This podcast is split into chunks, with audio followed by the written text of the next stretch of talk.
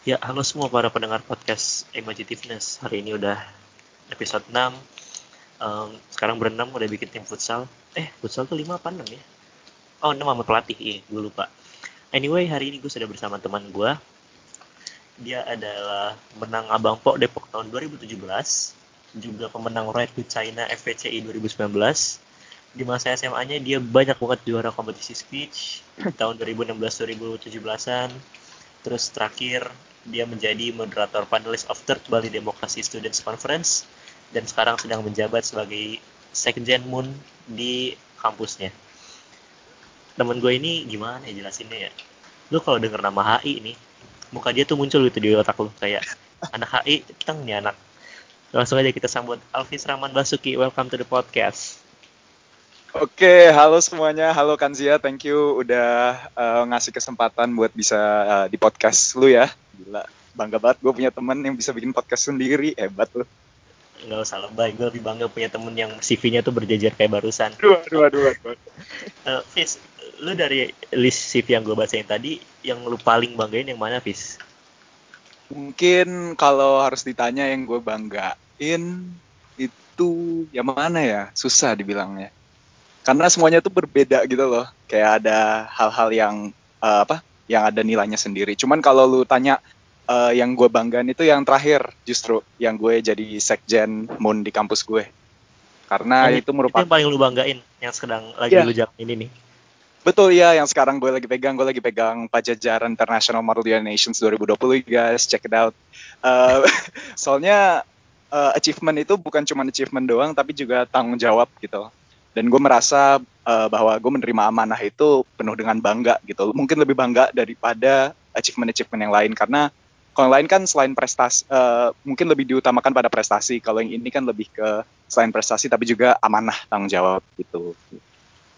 Tapi yang menurut lo dari yang tadi nih kan juara banyak kompetisi speech.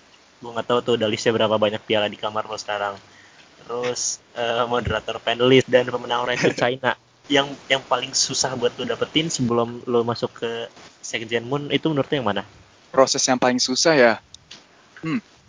Mungkin kalau harus dibilang yang terakhir sih, yang apa? Yang jadi panelis di Bali Student apa? Bali Democratic Students Conference BDSC ketiga. Soalnya uh, jujur gue kalau ikut-ikut lomba-lomba itu gue kan biasanya suka rahasiain, umpetin buat diri gue sendiri gitu sebelum menang atau sebelum kepilih biar nggak ada orang yang tahu. Nah kecuali uh, pada BDSC ini mereka tuh salah satu requirementnya itu harus post video di IG. Jadi gue kan awalnya nggak begitu pede lah ya, nggak begitu pede kepilih atau uh, accepted gitu. Gue rada bingung tuh, aduh gue lanjut gak ya? Soalnya gue malu kalau orang lihat terus eh ya Allah nggak nggak keterima atau gimana gitu. Tapi pada akhirnya gue bodo amatin gue coba gue post video gue dan uh, alhamdulillah keterima tuh di BDSI tapi gue juga di personal chat sama salah satu apa salah satu panitianya untuk jadi dijadikan sebagai salah satu moderator. Karena topik esai yang gue bikin kan itu lomba esai ya awalnya. Karena topik esai yang gue pilih itu cocok sama uh, tema tema mereka yang salah satu yang paling cocok. Jadi mungkin kalau dibilang yang paling susah tuh yang itu soalnya gue tuh bukan cuma dipilih diseleksi dari ber, uh, ber, ratusan atau mungkin ribuan uh, mahasiswa-mahasiswa di Indonesia, tapi juga dipilih dari ribuan uh, anak-anak sedunia untuk daftar dan kepilih buat jadi panelis gitu sih. Jadi lu sebenarnya tuh bikin esai dari peserta sampai jadi moderator awalnya tuh disuruh bikin esai gitu, terus kita harus bikin video presentasi gitu loh selama satu menit. Presentasi ini baik presentasi diri sendiri atau uh, presentasi topik yang kita bawa dan itu tuh saingannya bukan cuma mahasiswa Indonesia tapi juga mahasiswa dari seluruh dunia gitu. Nah mereka tuh baru pilih dari yang uh, beribu-ribu applicants itu di, mereka pilih yang partisipan yang keterima buat acara ini tapi juga pilih partisipan yang akan maju sebagai moderator atau panelis gitu uh, gue sebenarnya agak relate sama lu sih di mana tadi lu bilang gue tuh tipe yang mengumpet-ngumpetin sampai beneran juara atau kepilih. Kayak hmm. gue pas SMA juga kayak gitu gue banyak banget yang gak gue ceritain karena menurut gue ah nggak gue kepilih kayak gitu gitu kan. Gue rasa kita semua punya sisi yang kita umpetin dari semua orang. Lu balik lagi deh. Kan itu tadi seluruh dunia kan berarti lawan lo iya betul uh. nah kan lu pasti ngerasa kayak gila lawan gue sedunia. Terus kenapa lu tetap go for it dan ada rasa insecure nggak sebelum lu go for it gimana ngelawan rasa insecure itu Uh, kalau rasa insecure mah pasti ya, soalnya apalagi kalau lomba, bukan lomba sih, tapi uh, penerimaan conference ini baik kita terpilih sebagai panelis ataupun sebagai peserta, itu tuh harus kita harus publikasi video kan. Nah, tentunya sebelum gue bikin video gue, gue lihat video-video orang lain tuh, terus pas gue lihat videonya, wow, bagus-bagus semua, gue jadi kurang pede kan. Cuman hmm. gue tetap merasa kalau kita semua seandainya pun kepilih itu kayak punya spesialis masing-masing gitu. Walaupun standarnya ada, tetap ada faktor X yang jadi pertimbangan para juri. Jadi gue merasa ya oke okay, ada hal-hal yang gue bisa offer gitu ke mereka yang mungkin nggak bisa di offer orang lain. Jadi I went with my gut. Baik gue nggak pede atau gimana, gue coba aja karena yang penting tuh kita tetap maju gitu loh. Baik keterima atau enggak, baik menang atau enggak, yang penting kita ada niat dari diri kita sendiri untuk coba, ya kita coba dan alhamdulillah dapat rezeki gitu deh. Iya sih emang kalau misalnya posting video IG dan gue nggak tahu ya tapi kalau race-nya tuh di sosmed tuh kadang insecure-nya tuh kalau orang lain banyak like atau view-nya ngerti gak sih lo? Kayak misalkan follower lo masih sedikit nih terus orang-orang lain yang followernya lebih banyak tuh tahu-tahu lu baca komennya kayak yang semangat semangat. Uh, berarti kalau misalnya gue bisa bilang lu paling bangga di Bali tapi gue yakin pasti masih banyak banget prestasi lo selain yang gue sebutin tadi yang ke China dong. Yang ke China itu cerita gimana? Uh, jadi yang China itu juga lomba esai sebenarnya. Jadi gue daftar, uh, tapi itu cuma terbuka buat mahasiswa-mahasiswa di Indonesia. Jadi itu kan diselenggarain oleh FPCI kerjasama bareng kedutaan besar Cina di Jakarta. Nah, dari ratusan pendaftar, kita disuruh bikin esai dan seandainya esai kita lolos, mereka akan lanjut ke proses wawancara, terus mereka akan pilih 30 pemenang dari uh, ratusan atau mungkin ribuan uh, peserta yang daftar itu. Jadi uh, pas kita udah kepilih, kita melakukan student exchange atau cultural exchange ke Cina. Jadi kita diberangkatkan ke Cina dan ketemu teman-teman uh, dari mahasiswa-mahasiswa dari Cina tersebut. Jadi tujuan dari Right to China ini adalah biar ada mutual understanding gitu loh antara mahasiswa Cina tapi juga mahasiswa dari Indonesia. Soalnya uh, kita kan tahu nih dari beberapa tahun sebelumnya atau mungkin masih ada budaya mungkin bisa kita bilang ada rasisme antara Indonesia dan Cina. Mungkin kalau dari Indonesia sendiri kita sadar tuh di mana banyak orang menggunakan kata Cina buat saling ngatain gitu, sehingga bahkan dianggap nggak etis sehingga diganti ke Tiongkok kan. Nah, padahal itu mah udah sesuai standar internasional untuk manggilnya mereka Cina gitu loh. Jadi tapi karena ada serasa sentimen itu di Indonesia, ditujukan uh, acara ini Right to China biar kita tuh ada mutual understanding satu sama lain. Soalnya mereka tuh bukan cuma mengundang uh, mahasiswa untuk pertukaran ini, tapi juga mengundang dosen, mengundang uh, influencer bahkan dan bahkan mengundang uh, dari pihak keagamaan dari Indonesia itu sendiri biar mereka tuh sadar, bukan sadar ya, biar ada kesepakatan atau biar ada rekognisi bahwa ternyata dunia tuh nggak sesempit yang kita kira gitu.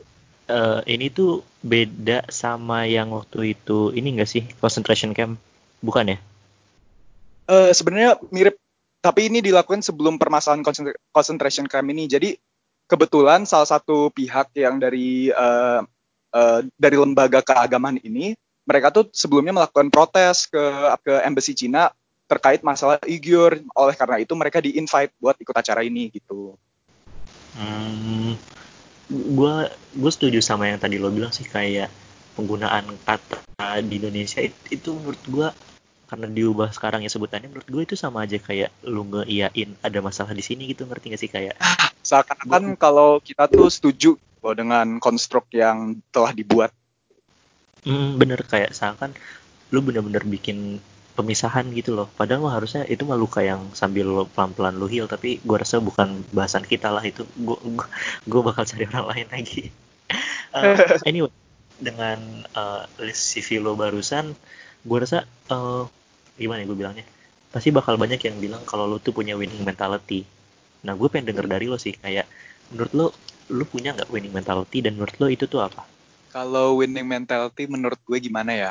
Hmm, mungkin paling bisa direlate sama kalau konotasi positifnya uh, apa ya? kompetitif atau hardworking mungkin ya. Tapi kalau konotasi negatif kan bisa dibilang ambisius. Nah, Uh, menurut gue winning mentality itu ketika seseorang uh, tahu akan sesuatu seandainya akan membenefit dirinya sendiri baik untuk perkembangan diri sendiri atau untuk mencapai uh, tujuan dan goals masing-masing dan mereka akan melakukan proses itu dan menghadirkan results gitu.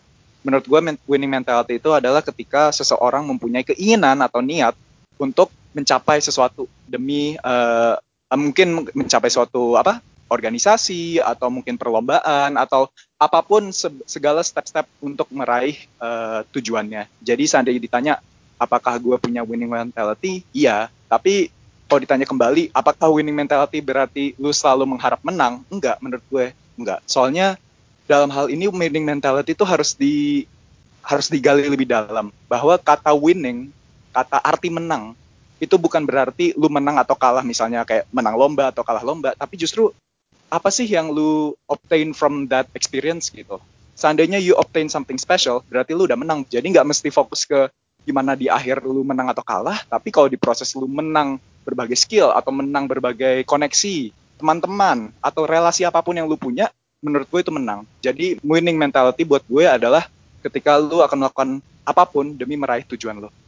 Hmm, berarti lu memperluas definisi menang ini ya? Iya, betul emang emang susah sih menurut gue uh, keluasan definisi ini tuh nggak nggak semuanya ngerti kayak lo gitu. Kalau misalnya di masyarakat sekarang ada aja yang cuma bagi mereka menang tuh. Kalau bagi mereka tetangga tuh udah tahu. Itu emang masalah besar apalagi di apa komunitas Asia kita ya. Salah satunya kan Indonesia juga gitu. Kita bandingin sama tetangga sama-sama bandingin sama anak orang lain. Sehingga kita tuh merasa kayak inferior atau merasa nggak dihargai. Sebenarnya masalahnya adalah bahwa kita tuh melihatnya lebih sempit, terlalu sempit. Hmm, bener-bener. Padahal mah ya proses mah jalan masing-masing sih menurut gue. Uh, itu tadi winning mentality lo balik lagi. Menurut lo itu inheritance atau emang lo develop sendiri dari kecil atau gimana? Inheritance atau di develop masing-masing. Hmm, koreksiin gue kalau gue salah ya. Uh, inheritance dalam hal ini gue samain dengan privilege. Apakah bisa disamakan? Enggak, gue pengen lebih ke apakah orang tua lo juga sekompetitif itu gitu?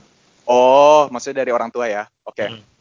Menurut gue, apabila ditanya winning mentality itu dari inheritance atau sesuatu yang kita kembangin diri sendiri, uh, gue munafik, hipokrit banget kalau gue bilang kalau nggak ada pengaruh dari orang tua ya. Soalnya emang benar ada pengaruh dari orang tua, tapi bukan cuma dari ciri-ciri atau sifat yang lu bisa dapat dari orang tua lu, tapi lingkungan seperti apa di mana lu berkembang. Nah, kalau seandainya gue bilang kayak gitu kan berarti kedua hal tersebut teraplikasi gak sih?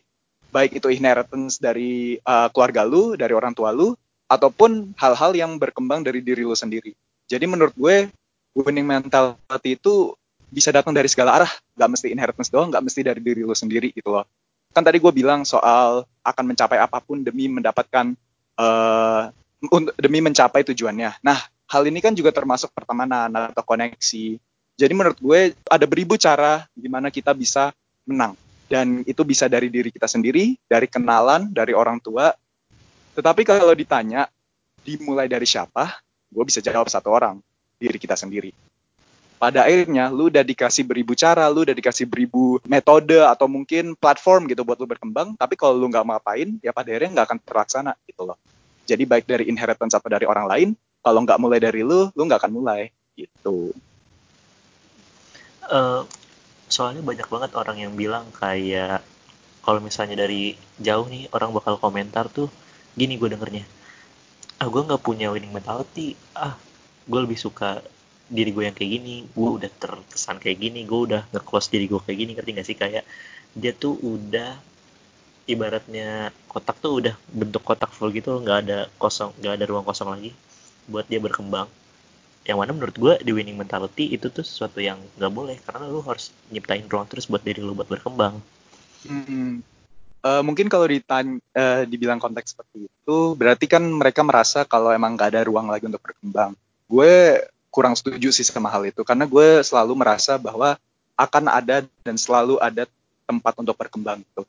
Ketika kita udah merasa kalau kita nggak ada winning mentality atau kita udah mencapai puncak, seakan-akan kita merasa bahwa ini tuh the best version of ourselves gitu. Padahal enggak, kita bisa berkembang melalui banyak hal lainnya. Contohnya, mungkin contohnya gini deh, gue waktu SMA, kebetulan lomba-lomba yang gue ikut itu stick with speech uh, speech competitions gitu. Kayak lomba-lomba yang uh, pidato bahasa Inggris. Nah uh, setelah lolos dari SMA gue mikir kayak biasanya speech competition jarang tuh buat mahasiswa. Gue bingung kayak hmm kalau gue mau penasaran join lomba gue join lomba apa ya kira-kira? Terus pas kuliah ternyata gue dipertemukan dengan dunia model United Nations. Awalnya gue penasaran tuh ikut MUN terus ternyata pada akhirnya gue suka dan gue bisa mendapat ruang buat berkembang gitu loh di MUN ini. Dan alhamdulillah menang beberapa lomba dan bahkan jadi juri di beberapa MUN lainnya sampai bisa bikin MUN sendiri gitu. Tapi contoh lain itu nggak mesti buat lomba doang. Misalnya kita organisasi atau mungkin kalau pada generasi kita yang paling penting tuh mempelajari soft skill lah ya. Nah uh, waktu gue di kuliah dikarenakan gue join kayak organisasi universitas di departemen gue ataupun di fakultas gue gue merasa kayaknya gue harus berkembang lebih besar nih, harus expand my network selain universitas. Oleh karena itu di tahun kedua gue ikut salah satu forum leadership se-Bandung karena kuliah gue di Bandung.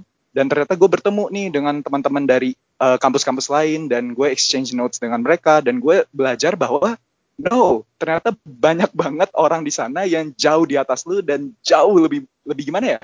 Jangan merasa lu tuh nggak punya ruang berkembang karena selalu ada Nah, itu semua dimulai dari lu bertemu dengan orang-orang lain. Bukan banding-bandingin ya, lebih ke membuka insight gitu, dapat insight baru terkait dunia. Gitu. Karena nggak semuanya tuh dari pandangan lu doang, tapi dari pandangan orang lain. Itu di mana gue sadar bahwa I'm not alone in this. Gitu. I'm not alone in this world and I could achieve better things. Gitu. Uh, menurut gue tuh kayak bener-bener kata lo kayak tadi kayak misalkan lo harus expand horizon lo dengan cara ketemu orang-orang baru gitu segala macamnya tapi yang gue tuh gini Fis dengan kecepatan sosmed sekarang, dengan kecepatan omongan mulut sekarang, orang-orang tuh langsung gampang jatuh di trap di mana mereka pikir semua orang tuh berhasil di first attempt. Istilahnya kan perfectionist trap kan, yang mana gue yakin banget seluruh CV lu pasti dibangun dari banyak banget kegagalan ya nggak Ada, uh, gue boleh tahu nggak satu kegagalan yang paling lu sampai sekarang atau sempet bikin lu paling ngedown banget?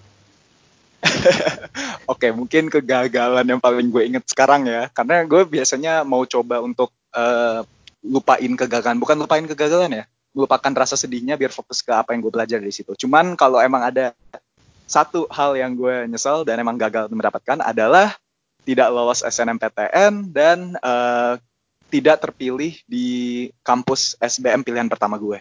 Jadi awalnya gue tuh sangat terpukul dalam hal itu kan kayak semua hal yang gue udah planning out itu terpusat dari uh, keterima itu atau enggak itu strategi yang salah sih cuman ya udah kita harus apa kan. Iya itu itu strategi yang sangat salah cuman ya mau gimana uh, lagi udah lewat gitu. gue pas hari ya, pertama ya. pengumuman SNM ya pas uh. kan gue nggak gue tau nggak diterima kan gue langsung live grup sumpah. Ya kan ada ada rasa kayak anjir temen gue keterima ini keterima itu gue enggak gitu. Pasti ada iya. rasa insecure di situ. Soalnya kayak gue nggak mau uh, dosa gitu kayak iri ke orang-orang lain tapi gue diem diem munak sampai bilang iya selamat selamat. Tapi gue tuh nggak mau dosa. Terus gue lepas sih bodo um, gue mau balik lagi ke competitions dan segala macamnya. Gue gue yakin banget kegagalan lo masih banyak lagi dan segala macamnya. Tapi yang pengen gue tekanin tuh sebenarnya prestasi lo juga nggak dibangun sehari semalam dari banyak proses, ya nggak? Oh iya dong, jelas. Nggak mungkin kita bisa minta sesuatu hal yang segampang gitu. Uh, gue mau balik lagi ke kompetisi sih, kan kayak lu udah ke China nih, lu udah ke Bali. Uh, mana lagi sih kompetisi yang lu udah jalanin abroad di luar negeri? Uh, kalau di satu mungkin Bali bukan luar negeri ya pak. uh, dua. Eh, sorry, Kalau Depok lah, Depok tuh negeri sendiri. Di luar Depok. Oke oke. Ya kita punya bendera sendiri emang. Uh, Sebenarnya gue pernah juga ikut uh, lomba Model United Nations (MUN) di Taiwan, kalau itu dianggap sebagai negara ya. Uh, sama di Jepang ikut conference. Uh, dari dari segala kompetisi yang sampai sekarang nih, kan pasti banyak banget drama-dramanya dong. Gue mau mulai dari drama yang gue pernah jadi dulu. Gue tuh pernah SMA ikutan lomba debat kan. Lo itu ada nih kalau nggak salah. Terus waktu itu tuh SMA kita tuh di peringkat ke 11 jadi di first day-nya kualifikasi di buat di hari kedua tuh cuma 10 tim. Nah dramanya adalah ada sekolah yang si sekolah tuan rumah ini yang lolos tuh justru dua tim. Lu, lu inget gak sih? Kayaknya gue nggak inget deh, tapi sok cerita. Di ntar gue ntar gue ini ntar gue bip. eh, nanti lu mention label lagi. Enggak enggak. Itu yang, ya, itu yang satu, salah satunya link nggak sih? Yang salah satunya apa? Eh, Iya. tim tim gak jelas gitu. nah iya ya nah ya udah akhirnya mereka si tim B-nya itu mengundurkan diri gara-gara itu artinya sebenarnya istilahnya tim apa sih kalau misalkan ngisi slot doang? Eh, swing team kalau nggak salah. Iya, Udah si bener. swing timnya itu ngundurin diri tuh. Ya udah lolos kan seneng. Itu drama hari pertamanya. Nah, masalahnya kita tuh udah nyium kayak you know something fishy, something yang kayak hmm kayaknya ada yang gak beres nih kayak gitu-gitu. Ah. Ya udah karena kita udah mencium itu dari hari pertama, di hari kedua kita lanjut langsung kalah ya udah kita udah ikhlas soalnya kayak ya udah lu mau expect apa gitu lu mau expect eh revenge ke orang yang mengadili lu ngerti gak sih kayak ya nggak bisa juga dong karena kan mereka kan yang ngambil keputusan gak sih nah dalam cerita-cerita lo ada nggak sih drama yang paling lu benci atau ada nggak drama yang justru lu kalahin balik Kalau drama, oke mungkin yang yang tadi kan lu nanya nih drama yang gue benci sama drama yang gue kalahin balik. Eh, jadi mungkin salah satunya itu waktu gue lomba di Taiwan nih. Eh, itu kan lomba pertama model United Nations di luar negeri gue yang gue ikut. Eh, awalnya gue udah seneng tuh kayak wah eh, ternyata di satu council gue eh, sisanya orang Taiwan semua. Gue sama temen gue doang yang orang Indo atau orang luar negeri lah istilahnya. Jadi mereka tuh kita dihadapin sama orang-orang Taiwan. Dan mantap. ternyata di Taiwan tuh nggak semua orang tuh bahasa Inggrisnya fluent. Banyak yang bahasa Inggrisnya masih broken gitu. Meskipun di council itu ada juga yang banyak yang bisa bahasa Inggris ya. Nah, pokoknya sepanjang eh, apa sepanjang perlombaan Model United Nations itu berjalan, ternyata gue dihadapi sama hal paling eh, susah dihadapi oleh manusia ketika keluar negeri, yaitu bahasa, language Oke. barriers. Nah, ternyata di dalam konsul gue itu banyak orang yang nggak kadang-kadang nggak ngerti bahasa Inggris. Oleh karena itu mereka males mengerti gue. Jadi mereka ikut tim ya eh, teman mereka yang bisa bahasa Mandarin. Dan hafal masa Mandarin. Jadi mereka cuma ikut tim yang satu lagi cuman gara-gara mereka bisa bahasa Mandarin gitu loh. Tapi alhamdulillah pada lomba itu gue sama temen gue berhasil nge-influence mereka. Dan sehingga gue bahkan bu- buat buat tim sendiri orang-orang yang bisa bahasa Mandarin untuk bantu eh, melakukan diplomasi lah istilah dengan tim lawan. Dan alhamdulillah berhasil. Itu tipis banget. Kayak voting kita tuh eh, misalnya kayak kok nggak salah seingat gue ya 50 ke 52 jadi kayak beda dua orang gitu. Dan alhamdulillah gue menang juara satu kan di acara itu. Nah itu kalau yang yang berhasil gue lawan ya. Jadi pasti di balik semua kemenangan atau apa gitu atau keberhasilan seseorang pasti ada juga hal-hal yang buruk yang pernah mereka alami. Dan pada akhirnya kita jangan hold a grudge against it tapi the least we could do adalah learn from it aja. Jadi belajar aja hikmahnya aja gitu. At least berusaha kalau ada ya gitu. Eh, Fis, gue tadi mau nyinggung sedikit soal influence. Karena gue juga berpikiran dengan civil yang banyak ini berarti kan lo secara nggak langsung oh, udah menginfluence juri-juri supaya mirip lo juga kan.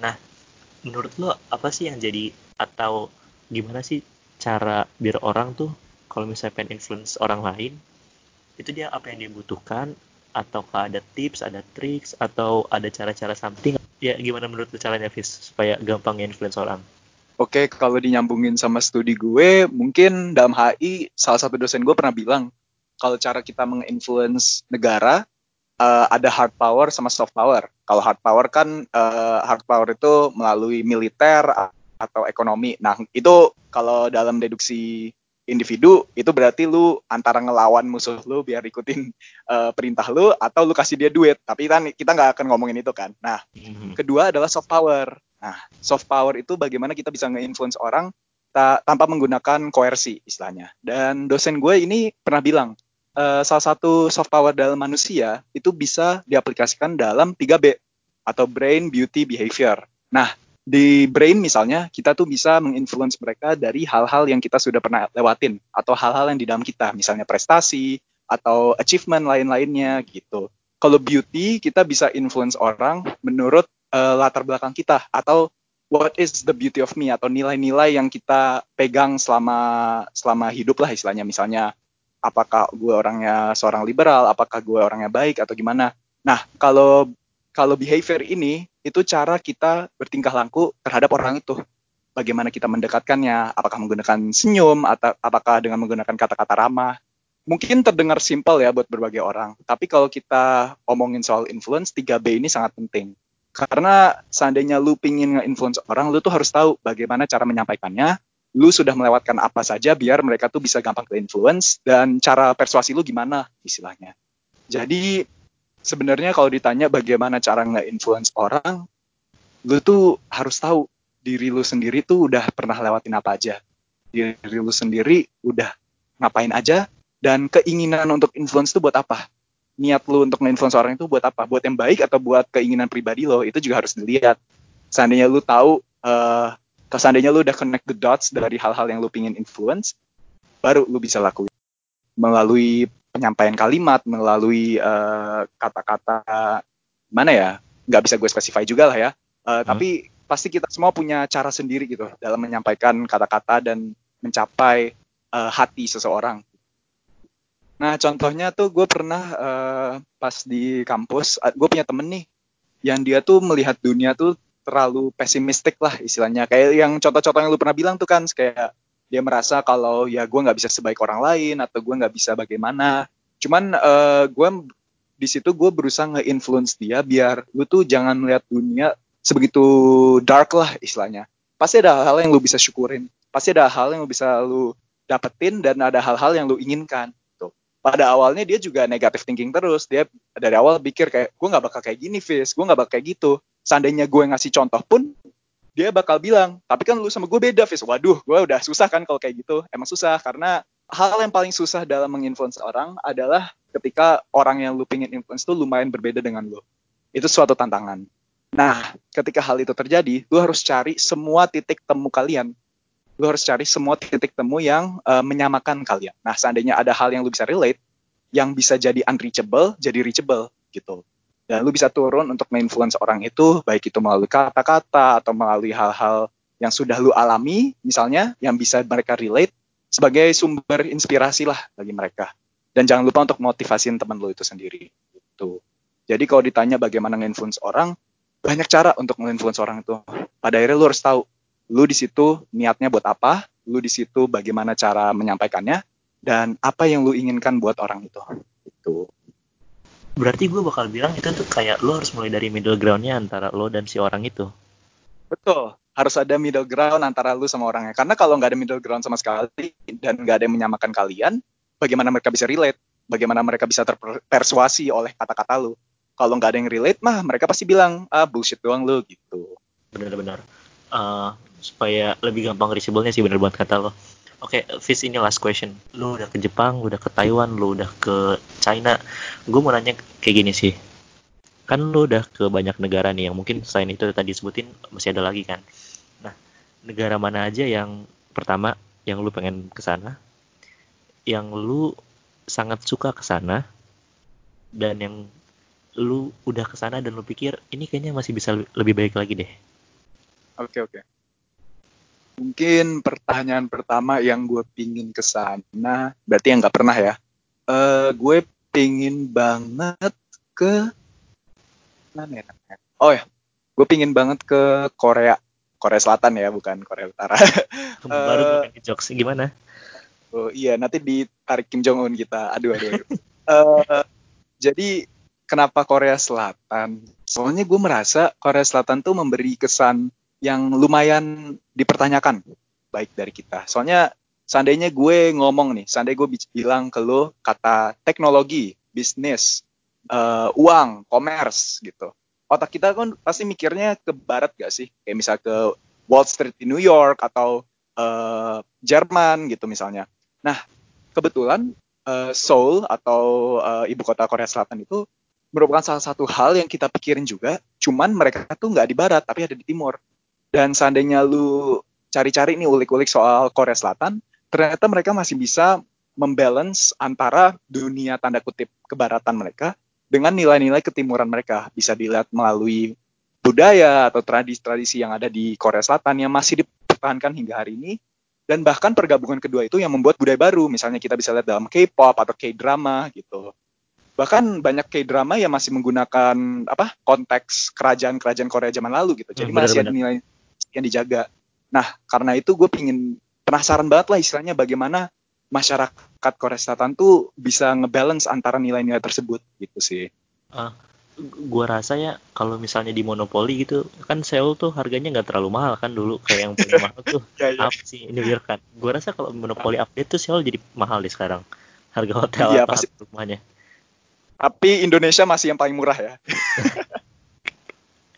halo Pak Jokowi anaknya nih Pak. Anak bangsanya kayak gini Pak. Oke second question Fis. Second question negara yang gue apa sih? Second question apa sih? Gue lupa. Yang lu paling suka ke sana. Oh paling suka. pengen pergi lagi ke sana? gue suka eh, mungkin kalau gue harus bilang eh, nomor dua tuh Prancis sih. Eh, alhamdulillah gue punya rezeki atau mungkin bisa dibilang privilege ya eh, untuk pernah hidup di sana selama tiga tahun dan gue merasa bahwa Prancis telah gimana ya memwowkan eh, hidup gue dan cara gue pikir terhadap dunia lah istilah telah membuat gue berpikir dengan cara-cara lain. Eh, soalnya kebetulan gue waktu di Prancis tuh gue berada di Prancis Selatan, bukan di Paris tapi di Marseille. Nah Ya. itu kan di French, French Riviera tuh. itu lu umur berapa Fis Eh, kebetulan gue waktu di situ umur eh, umur apa ya? SMP SMP dari kelas 1 sampai kelas 1 SMA. oke oke Jadi tiga tahun SMP sama sa- eh, setengah tahun SMA gitu. Eh, waktu di situ gue tuh diperkenalkan dengan namanya budaya baru deh ya. dan emang multikulturalisme di mana mereka tuh punya orang bule, orang eh, dari Afrika atau dari Arab atau dari Asia itu semua ada di situ. Jadi gue bisa dipertemukan dengan orang-orang dari ciri-ciri berbeda. Tentu dikarenakan ini ada juga permasalahan rasisme yang beda juga di sana ya. Eh, tapi selain itu gue bisa tetap menikmatin alam mereka gitu loh. Eh, itu Marseille itu kebetulan kota port city, kota apa? Pelabuhan. Dan di situ itu banyak pantai, tapi juga banyak eh, perahu dan bahkan parknya itu alamnya itu masih kejaga di sana. Jadi gue seneng ketika gue bisa keluar eh, dan bisa aja jalan istilahnya dan gue bisa menikmatin alam yang ada di sana. Gitu.